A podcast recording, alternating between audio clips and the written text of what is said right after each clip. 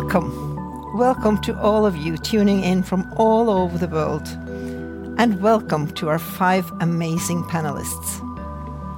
Investing in Peace, Advancing the Prevention Agenda is the first dialogue in a series under the headline Exploring the Nobel Peace Prize 2020. World Food Programme was awarded the Nobel Peace Prize 2020 for its effort to combat hunger for its contribution to bettering conditions for peace in conflict affected areas, and for acting as a driving force in efforts to prevent use of hunger as a weapon of war and conflict. This was a clear recognition from the Nobel Committee that food and food security can contribute to peace. Today, we will hear from practitioners how they use food as a tool for building more peaceful societies.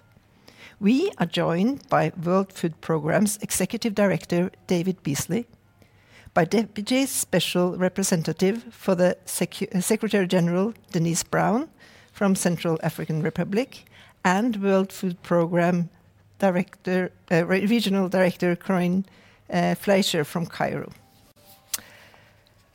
And we are honored to be joined by two ministers in our panel today. Minister for Development Cooperation and Minister for Nordic Cooperation Flemming Møller Mortensen from Denmark, and Minister of International Cooperation Dag Inge Ulstein from Norway. We will hear from them how they support and sustain peace in their policies, moving from reactive to proactive and preventative strategies. Welcome back to the Nobel Peace Center, David Beasley. As the executive director of uh, World Food Programme, you head the world's largest humanitarian organization, operating in more than 80 countries across the world and working to assist 138 million people every day. Once again, congratulations with the Nobel Peace Prize. I am excited to hear from you if and how prevention can be a life changer. Executive Director, the floor is yours. Kjersti, it's great to be with you again. And uh, this dialogue, uh, the series of investing in peace and how do we change the world, not just save lives, but change lives. Uh, we're so grateful for this because what the Nobel Peace Prize has done is allowed us to message to the world uh, in my opinion, one of the great, greatest opportunities that we have to understand the power of food and using it to bring peace, stability around the world. And I think there's no doubt the Nobel Peace Prize Committee sent two very clear messages uh, to the world when it awarded uh, the laureate to the World Food Program. And the first was thank you, World Food Program, for your women and men who lay their lives literally on the line at risk every day, helping bring peace and stability to nations around the world. But the second was also critical, and that is the hardest and most important work is ahead of us because of COVID and conflict. Literally, we're seeing extenuating, compounding dynamics take place at un, uh, taking place in just unprecedented ways. When I arrived at the World Food Program four years ago, there were 80 million people, as we would say, marching toward the brink of starvation. And we were so hopeful that we were going to drive that number down, but the number spiked to 135 million right before COVID. And the question is why? And the answer is man made conflict. As you noted, 80% of our expenditures are in conflict zones. 60% of the people in conflict zones. 10 out of 13 of, of our ma- major big operations are in conflict areas. The other driving force, of course, is climate uh, changes that's taking place around the world. But aside from the uh, 135 million, you've got about 700 million people that go to bed hungry every night. And that's bad enough. But the number now that I had mentioned the 90 the 80 to 135 million people that are marching towards starvation now because of covid that number has spiked to 270 million people and that number is not just data, it's children, it's families, it's people with names. And we can break that down from country to country to country and showing the tragedies that's taking place right now. And so we believe clearly that the evidence is if we can address root cause, we can prevent a lot of humanitarian uh, catastrophes that are taking place. We know that when we invest, it impacts lives. We've seen that in the Syrian war, for example. I think the European community woke up because if had we addressed root cause, here's the dynamic financial impact. We can assist, for example, a Syrian in Syria for about 50 cents for an adult. Uh, that's a little bit higher than normal because it's a war zone. That same Syrian that ends up in Brussels or Berlin or Norway or wherever, well, that cost is a much more, not 50 cents, but 50 to 100 euros per day. And guess what? The Syrian or any other refugee, they don't want to leave home. When you feed 100, 115 million people like we do, we survey people, we talk to people, they don't want to leave home. Just in the last five days, I've been in Haiti, Venezuela, Guatemala, Honduras, and in Guatemala and Honduras and Haiti, I spent several days talking to people, beneficiaries, and each one of them said, We don't want to leave our home. But if we don't have food and we don't have any livelihood at all, well, they leave. And the cost is extraordinary. It's like having water lines leaking in the ceiling and if you don't fix them, it will destroy the table, the carpet, the floor, the curtains. Well, we're fighting over where to put the buckets versus how about let's go fix the leaks? It's a lot easier and the impact is so much greater.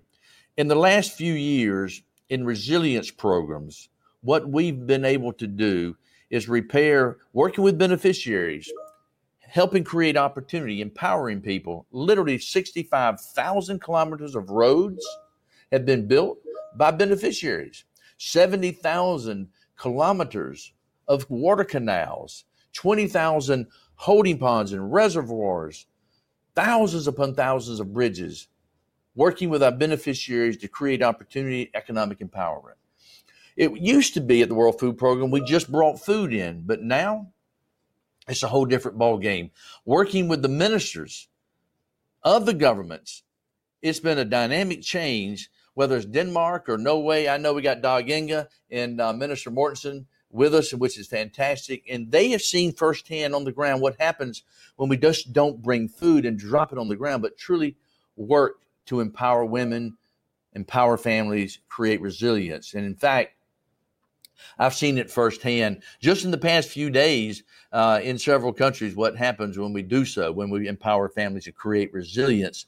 And so let me just touch on a couple numbers there because we used to just bring in food. Now we do $2 billion worth of cash based transfers to empower families to help jumpstart, stimulate the local economies, as well as now we're buying a lot of our food in the countries where we can, in the regions where there's poverty, like in Africa. We're now spending a little less than $2 billion just on purchasing commodities and other services to help stimulate the local economies. And as we build resilience programs, it's amazing to see what happens. And so I could go on and on because I'm so excited about what we're doing and what we're achieving. And at the same time, I'm brokenhearted about what's taking place. 2021 is going to be a tough year. Uh, COVID has just dynamically impacted and exacerbated the numbers around the world. Economic deterioration, supply chain disruption. Uh, we've got 34 million people literally at IPC level four, and that means they're knocking on famine's door because we have famine or famine like conditions already in four countries like Burkina Faso, Yemen, South Sudan, and um, uh, I can't remember the other one off the top of my head. I think it was Syria. So we've got a lot of work to do, but we can solve the problem of starvation and solve the problems of famine. If we don't, you will have famine, destabilization, and mass migration. And the expense of that is a hundred to a thousand times more than addressing root cause. And so you. to just address the 5 billion people is 30, uh, the, the 34 million people is $5 billion.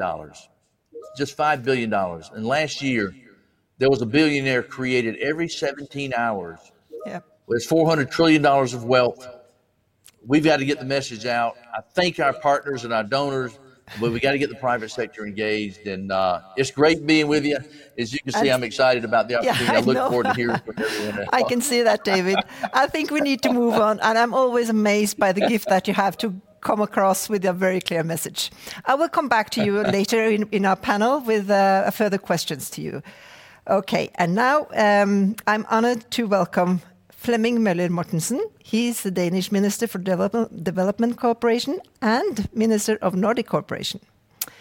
Mr. Mortensen, it has been six months since you assumed the most important role for most people in the world. I look forward to hearing from you how Denmark and the world can further improve the project's prospects for peace through prevention. The floor is yours. Thank you very much. I'm so happy to be here together with you, and I'm happy to address an issue very close to my heart the link between food and peace. And once again, I would uh, like to congratulate World Food Programme on the well deserved Nobel Peace Prize. That's very good. Uh, World uh, Food Programme has paved the way for a better understanding on how to improve the odds for peace part of my job is to be Minister of Nordic Cooperation. And I believe that the Nordic countries have something special to contribute when it comes to peace building. We are firm supporters of the UN, of international rules of cooperation and peace building efforts around the world. I'm glad to be here with my colleague and good friend, Dag Inge Ulstein from Norway. There's clear evidence of the link between food security and peace, and this is uh, on the agenda of the UN Security Council. The UN Security General puts it this way if uh, you don't feed people, you feed conflicts. Climate change makes the situation worse in a number of countries. Today, the UN estimates that 270 million people suffers from acute food insecurity. The scale of suffering is really alarming. We need to become better at preventing conflicts. It is far too late to react once we are dipped into the crisis. We uh, must prevent conflict by creating sustainable development building resilience, and supporting human rights and good governance. And the most fundamental level is the fight against hunger. Fighting hunger is key to prevention. And therefore, we must do more to address acute and long term food insecurity. We must also become much better at preventing, predicting the future. The predicting is the same, it's the same as predicting hunger. This will help us take steps to prevent an escalation of food insecurity.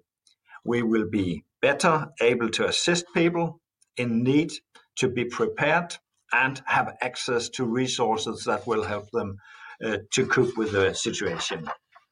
In that way, resources are used better. Not at least, aid becomes more uh, dignified and human uh, centered. To ensure long term solutions, we also need closer cooperation between humanitarian actors, development actors, and peace building actors. Denmark and like minded countries seeks to promote such cooperation. The aim is to reduce humanitarian needs to the benefit of millions of people, including those affected by hunger. Thank you to the Nobel Peace Center for hosting this very important discussion and dialogue. I hope today will be the beginning of the useful process. Thank you very much. Thank you so much, uh, Mr. Mortensen. You mentioned the link between security and peace. What is Denmark doing to support long-term food security in areas of conflict or crisis? Yes, we have um, we have catched up some good experiences, and I think the most important is that to see that we have to combine and see it like vice versa that peace building and stability will improve food sec- uh, security. So we simply have to to make a thinking of these things together. Um, I, I think that if we want to bring up some good examples, uh, we can also we have also from the Danish side been uh, supported uh, supporting the development of the rule uh, and how we can early make early warnings uh, in the in in the acute uh, situations. I think that's the most important uh, we we can do.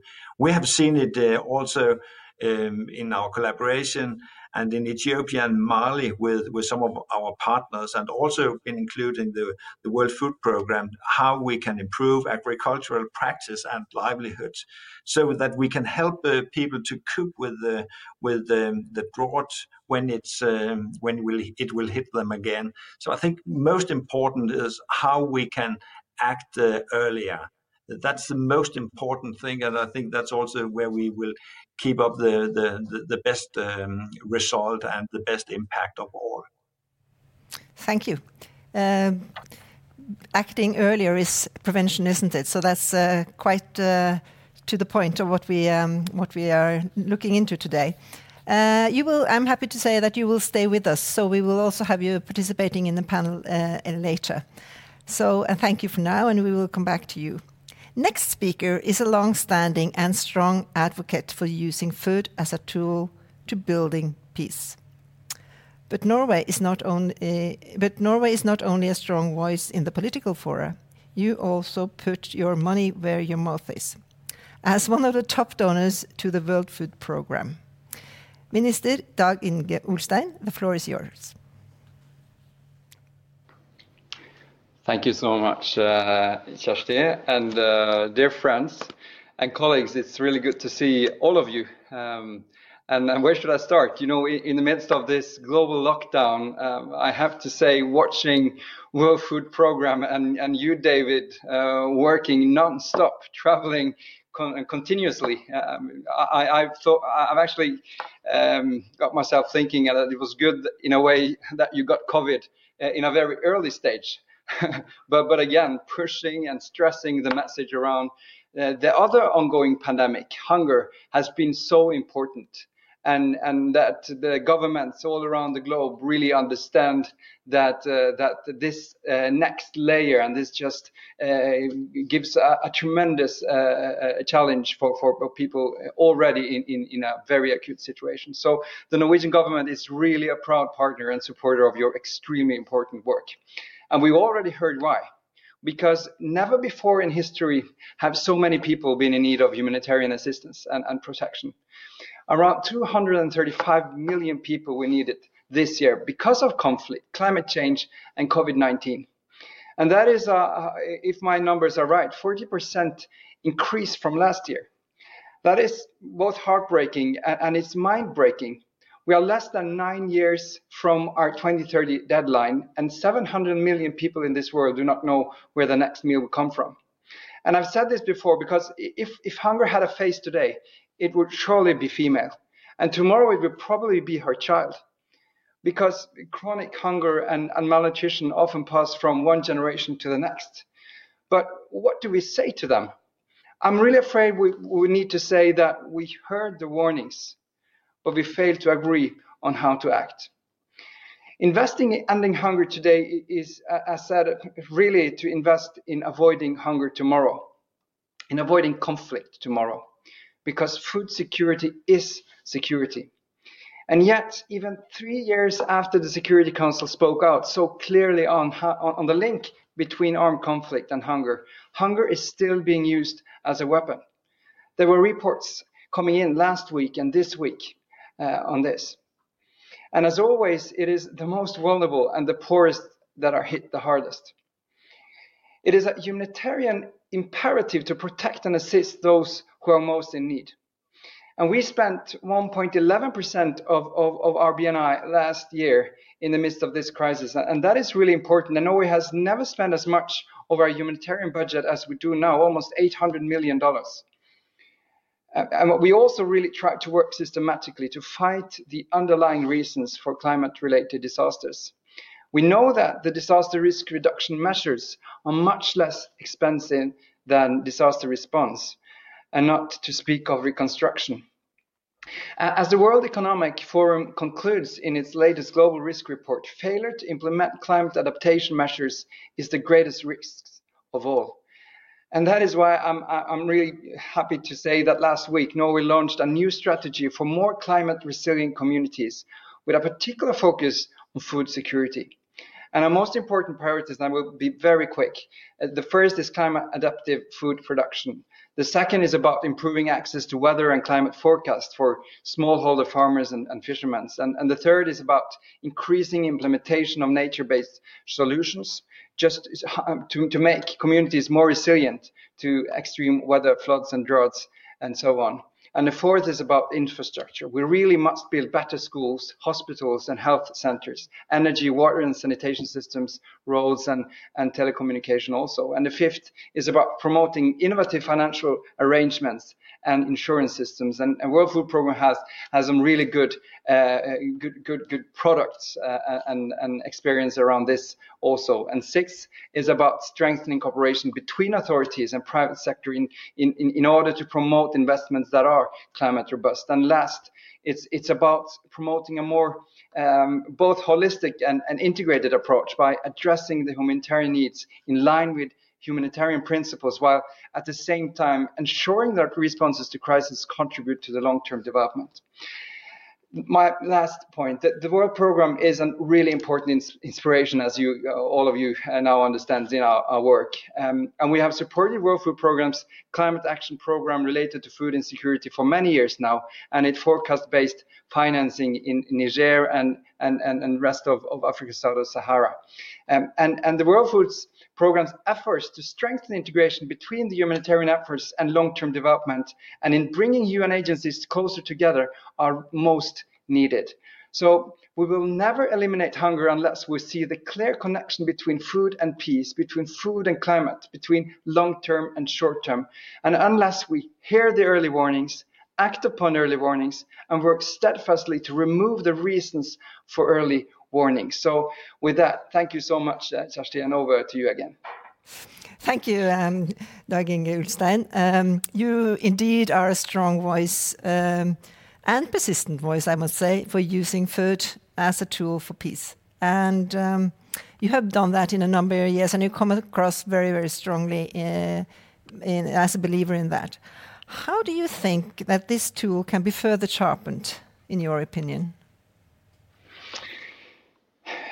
Right now uh, we we really have to understand the context and and and uh, COVID-19 the situation really affects uh, everything we, we we does and, and comes on top of uh, everything else uh, and, and kind of adds up to a really severe socio-economic crisis also this multiple layers. Uh, so I think one of the main challenges is actually to to prioritize the right things and to do the right the things the right way and, and, and, I think fighting hunger must be one of the key areas to concentrate on. And that is, if, if we if we don't do that, we, we will lose everything. So so again, that is why that is so uh, so uh, important. And again, that is why we we, we have this action plan now, as I said, uh, but, but we also had uh, launched the action plan on sustainable food system, and I really think we need to see those also in, in connection, uh, which aim to, to strengthen the impact on food security through our foreign policy and development cooperation. And we have many important kind of tools.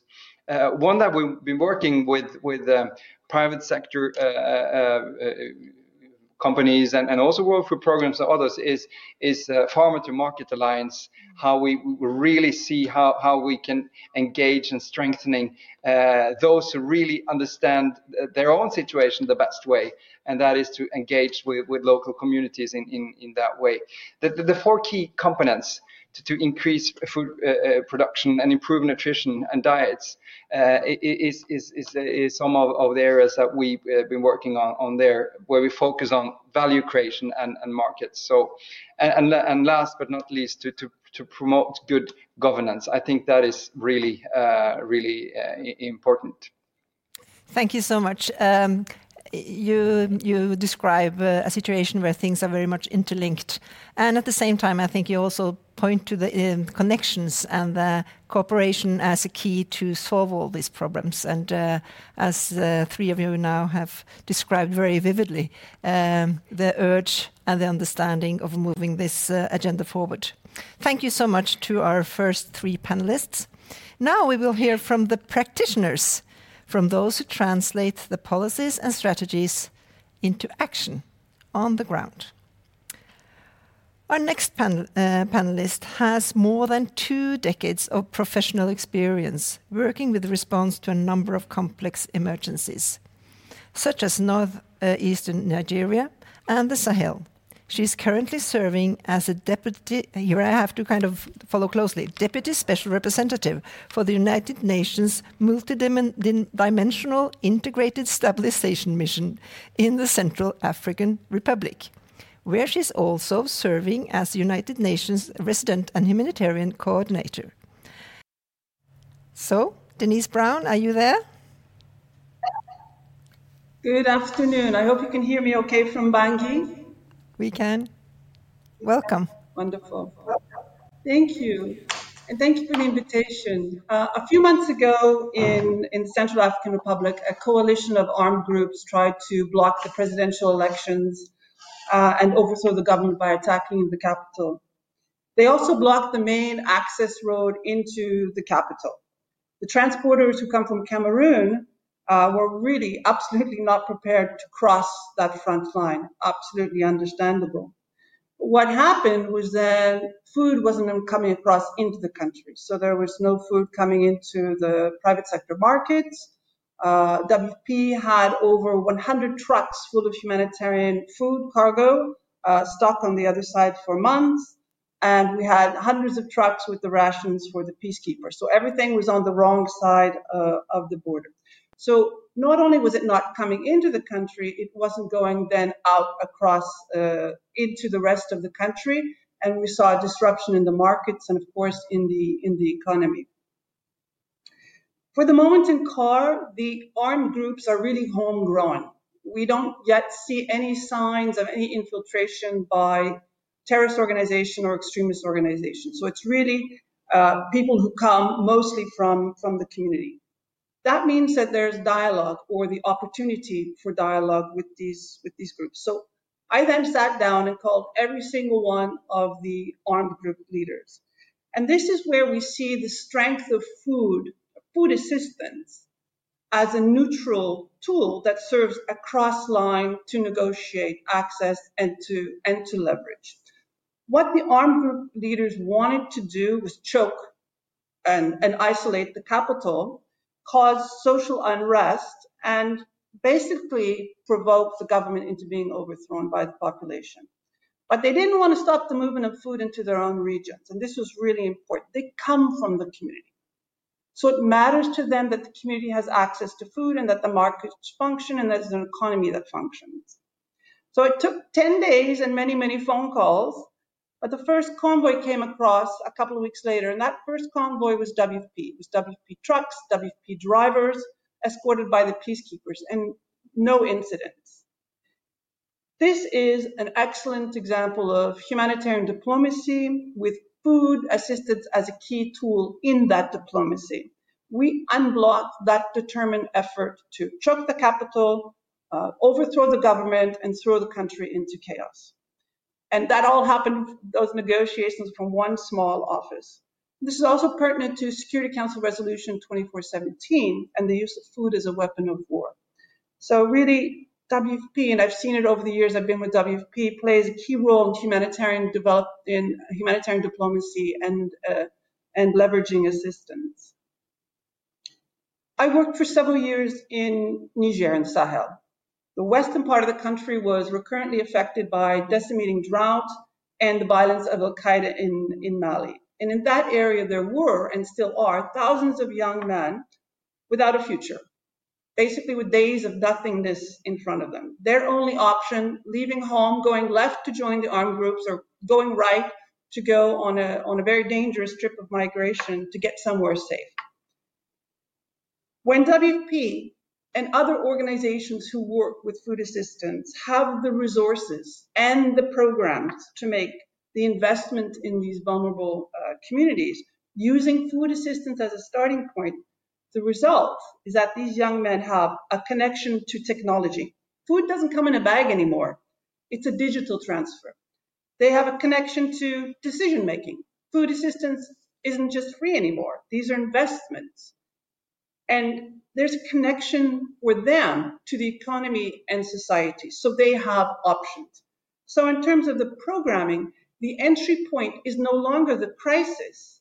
It's, which is just a point in time. It's before, during, and after the crisis. So investments that come before, during, and after the crisis are long-term and community-based. And the best investments depend on that same community engagement and decision-making. So back to Western Niger, this was about land rehabilitation. So remember, this is land ravaged by drought and conflict. And land so badly decimated that the women leave, they go to town, they beg, they prostitute themselves, they leave the children behind, and the young men leave, as I explained a moment ago. Because at least when they join an armed group, they then have a sense of purpose and a belonging, which they haven't had before. But what's so impressive about the community level investments is that communities have to work together because their land's connected. So this provides one, an immediate and very visible uh, view of land changing form and becoming productive again. But it's also about social cohesion and bringing those communities together because they've been fighting over land, they've been fighting over transhumance, or they've been fighting because of the conflict. And overall, this is about reducing humanitarian needs. So these are good investments. These are long-term investments, and they have a significant impact on across across communities. And of course, social cohesion is an investment in peace. And this is where we see that women become the drivers of change and the drivers of peace, with the youth coming not far behind. So food security, food assistance is key to social inclusion, to peace, and to access negotiations. And we've seen in Niger and we've seen in Mali and we've seen in Chad where this really changes people's day-to-day, day-to-day lives. Thank you. Thank you so much. Thank you, Denise. You really actually exemplified very precise what we heard from the ministers that they want to achieve through their development assistance into food. And what you were talking about, food as a um, means to get access and dialogue and uh, a good progress in the society. It's really interesting. Thank you so much.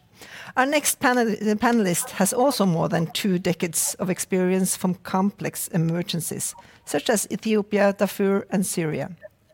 She was the representative and country director in Syria until December last year, and now she uh, and then she was appointed as regional director of Middle East and North Africa. Thank you. Yeah, last week actually I, I traveled to Syria and you saw it in the video 12.4 million people in Syria.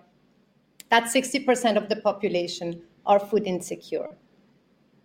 Imagine a line from Oslo to Darwin in northern Australia.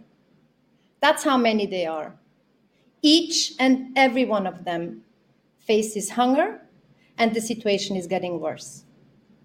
And this is happening across the Middle East. In the past 10 years, WFP has increased in its assistance sixfold, from supporting 6 million people to 37 million people at the end of last year. And every day, more women and children come to our distribution sites pleading us to add them to their lists.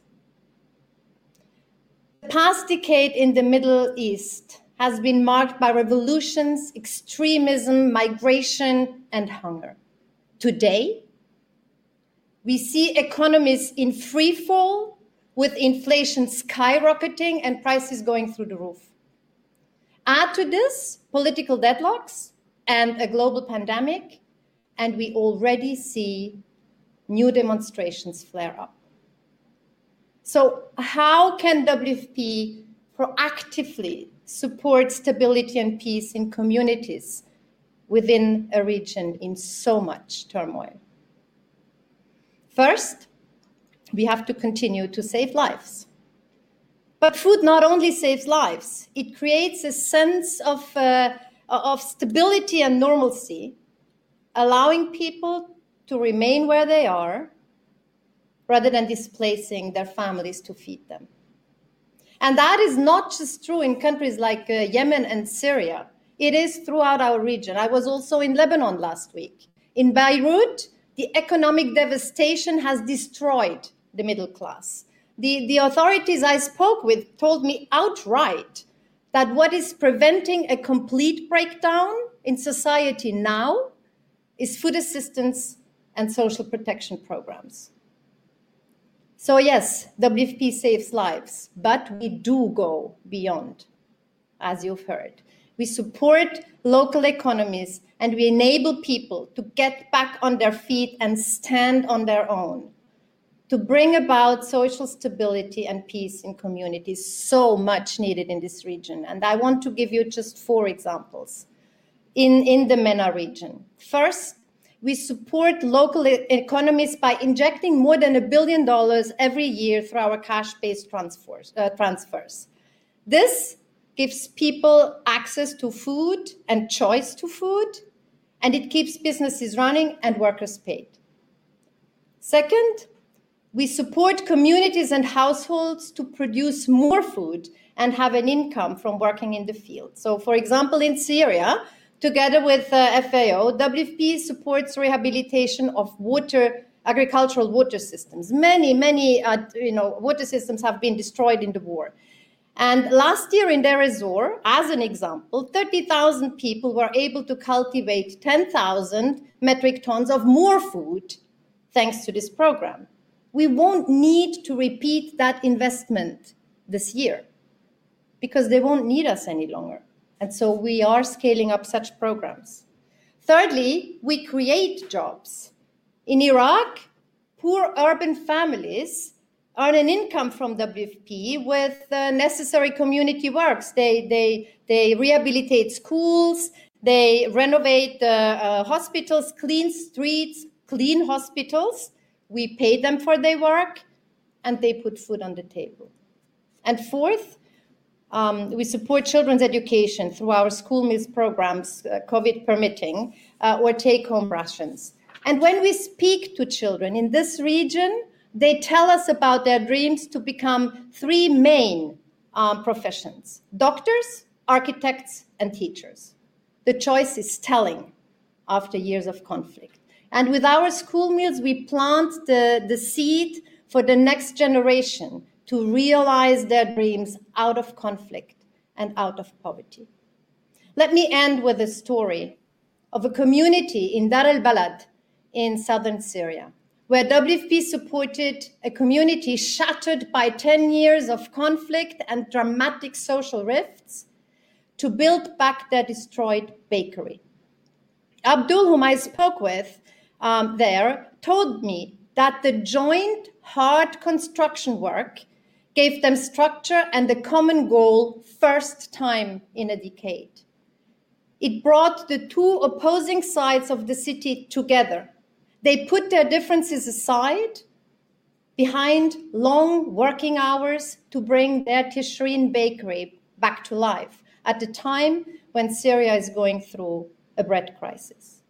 So community by community by community, we can bring stability and prevent drifts and conflict to re-emerge.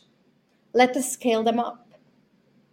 And that um, leads to my first question. We're now going into uh, the panels and uh, bringing everyone into this uh, dialogue. Uh, Corinne, can you you were saying that um, you can scale up this, but what are your biggest barriers to scale up the changing lives agenda and support stability of, of communities at scale? And what can be done to overcome that? Can you answer in uh, very short? Uh, yeah, well, quite short, yes. All right, no, look, we are in a highly politicized yeah. context.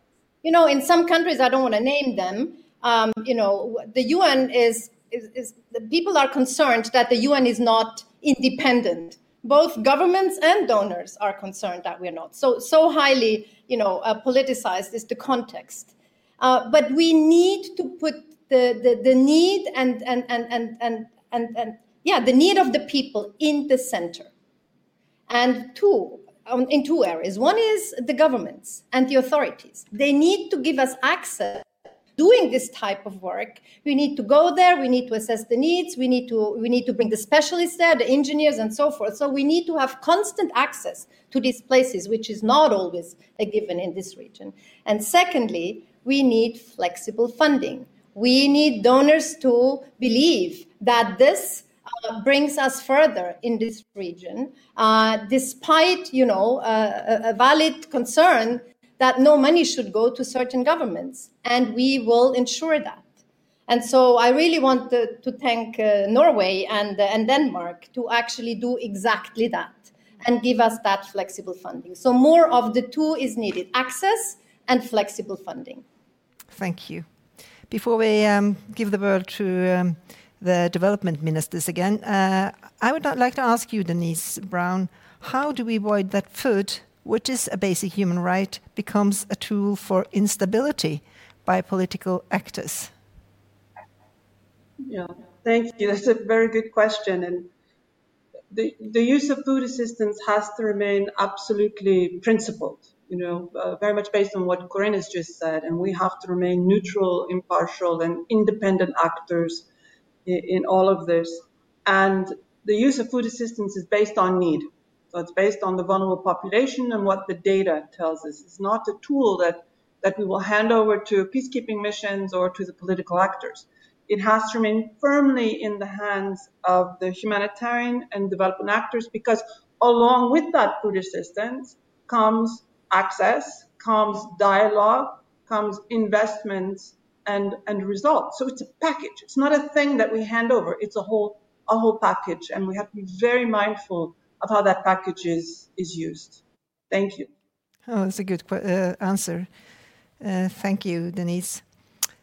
Uh, this year, Norway considerable uh, uh, increased its core contributions to EFP from 300 million Norwegian kroner to 800 Norwegian, um, million Norwegian kroner. What do you hope to achieve through this record high contribution, Dag-Inge Ulstein? Yes, uh, thank you. You know, the, the overall objective of, of the Norwegian Development Cooperation is to fight poverty, to save lives, and to alleviate suffering. Uh, and when we hear that hundreds of millions of people suffer from, from hunger, uh, the effects of climate change and COVID 19 now, uh, they are in need, and, and, it's a humanitarian imperative to help them uh, in the short term, but also in the longest perspective, as I said, and, and that's why, why why there's such a strong support from from uh, the Parliament in in, in this.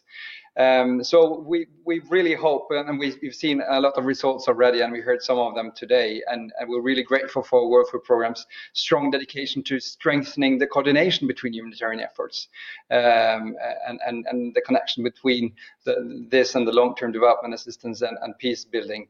So, so again, I think uh, World Food Programme's constructive approach to, to cooperation between different UN agencies is, is really bringing us closer also to, to, to this kind of one UN that we're all working uh, towards. And as I said, it, uh, World Food Programme is a very important partner for, for Norway to achieve some of, of the key objectives in, in, in when it comes to, to, to, many areas, and, and, that is why the, the contribution to humanitarian assistance uh, is is record high. And and again, I, I, I had to come back to the importance of early action to prevention and again how to this contributes to to stability and, and peace. So so that is really the the important results that we need to see and, and that is why i really hope other uh, donor countries also are stepping up their uh, efforts. Thank you. And um, well it seems like um, this is an investment in stability and uh, increased peace uh, to me. Um, david beasley you have said that food is the best vaccine against chaos. When you look 10 years ahead, how hopeful are you that we will wake up to a world free from hunger and conflict from where we are today? Sounds like ah, it's, it's know, allowed to be dreaming, isn't it? it is. A lot of people ask me, how can you stay positive amidst all the chaos and desperation and starvation? And I say, well, number one, we're we are making a lot of progress in systems around the world. But number two, I said, when you're out there in the hardest place, you know, listening to Denise and and Corinne Fleischer, who are out there in the field every day, and I can remember being in the rubble in Syria, where you would think there's no way there's any hope at all.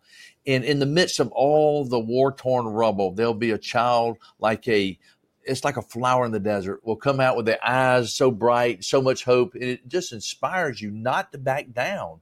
And I really believe if we can end the wars, no doubt in my mind, we can end hunger by 2030. It's still doable. We got to end the war, wars first. Even with climate change, I believe we've got solutions that can end hunger. But working together, ending conflict, we can bring a lot of hope to a lot of people around the world, and we're going to continue to do that with smiles on our face and uh, charging right ahead. And so, thank you for giving us the prize that allows us to continue to be inspired and hopefully a model and inspiration to others. So, ending hunger by 2030, that's exactly the uh, Sustainable Development Goal number two, isn't it? And you're hopeful that we're going to achieve that? I'm very inspired indeed.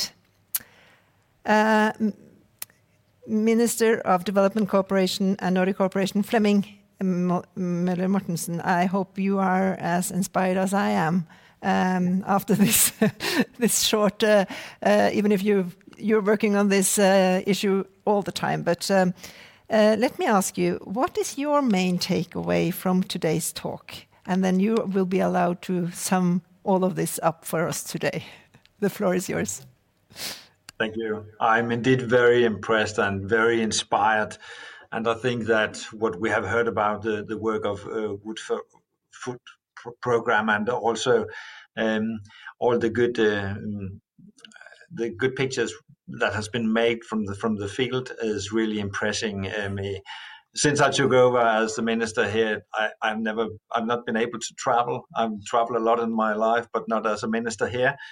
So it was good to get all the uh, good pictures of the impressive work uh, done to to prevent conflicts. Uh, and what I'm taking with me is that uh, it illustrates uh, very good that uh, we must give people the tools they need to build a better futures for themselves, and also to adapt to, to climate change, and to provide protection against the shock from the COVID 19 this will uh, help uh, to prevent uh, future conflicts and um, and also displacements, as, as, it was said. So it will indeed help to prevent future hunger and famines. So this has been very inspiring.